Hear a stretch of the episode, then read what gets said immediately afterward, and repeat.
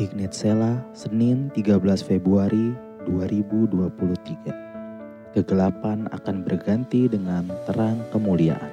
Ayat firman Tuhan diambil dari Yesaya 60 ayat 20. Bagimu akan ada matahari yang tidak pernah terbenam dan bulan yang tidak surut. Sebab Tuhan akan menjadi penerang abadi bagimu dan hari-hari perkabunganmu akan berakhir. Guys, ingat kisah bangsa Israel selama di Mesir? Selama ratusan tahun mereka menjadi budak di sana.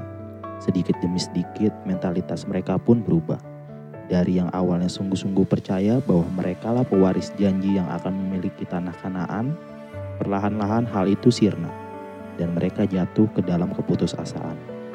Bahkan digantikan dengan penolakan terhadap janji Tuhan. Hal itu terlihat saat Musa menyampaikan pesan bahwa Tuhan akan membebaskan mereka.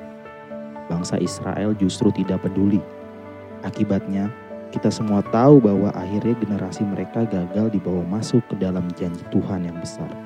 Kegelapan membawa keputusasaan dan memiliki potensi membuat kita sukar menerima janji Tuhan. Kita bisa menjadi kecewa bahkan menolak janji Tuhan. Namun kebenarannya adalah segelap apa pun kondisi kita, janji Tuhan tetap tidak tergoyahkan, janji Tuhan tetap iya dan amin. Firman Tuhan hari ini berkata bahwa Tuhan akan membuat kegelapan kita berakhir dan berganti dengan sukacita serta kemuliaan yang jauh lebih terang dari sebelumnya. Layangkan mata kita kepada Tuhan dan kita akan melihat kegelapan di sekeliling kita boleh sangat gelap, tetapi terang Tuhan akan bersinar lebih terang. Selamat beraktivitas Sobat Ignite.